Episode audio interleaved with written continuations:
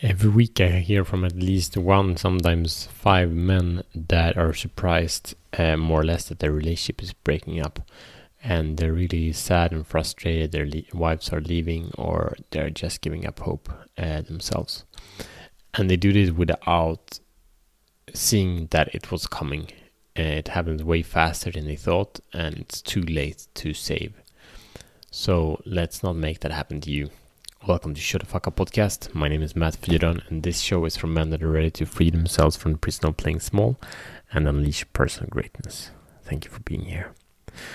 So it's obviously a very sad uh, conversation to have that because at some point in relationships, it's probably is too too too too far gone. Uh, one has hurt each other just too much, and um, all the strength that was there has depleted and gone in kind of destructive direction, and hope and focus is put in that direction and it's not really at all a pretty place to be.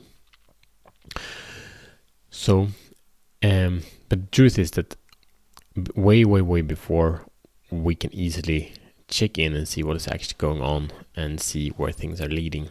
And no surprises in any kind of relationship in any kind of you know if it's depression if it's work if it's business whatever it is all results are predictable if we look into the input that has been done.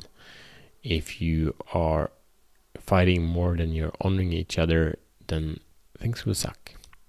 So we want to invite you to check in on the areas that are essential for you in your life and your relationship. Are you really doing the input that will guarantee to build a solid foundation that when things are tough, we'll be able to manage that. And if you're in a tough spot now, are you saying the things that can't be unsaid? Or are you actually um, doing your very best to, to nurture and caretake and really showing up in a way of leadership? Or more giving up? This is a moment that is so important. And speaking to a lot of men, there's always so much that we can do. Sometimes we need to be creative, sometimes we need to ask for help, but it's really always something that you can do to build.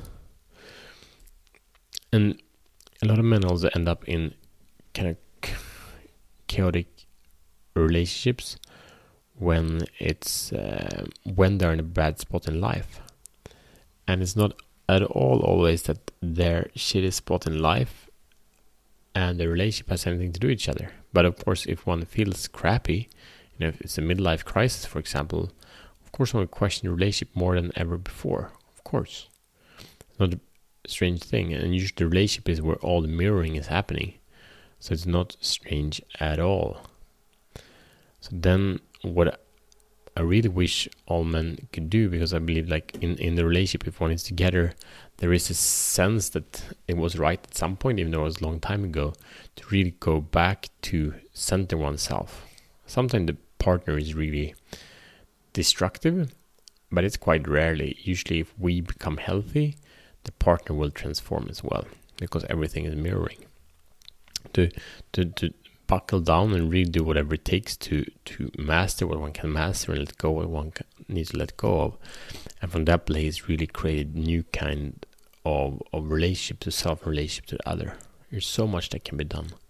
And then if one still feels when one is in a strong place, when one is in a self-loving place, if it's like this relationship doesn't have anything, cool, break up.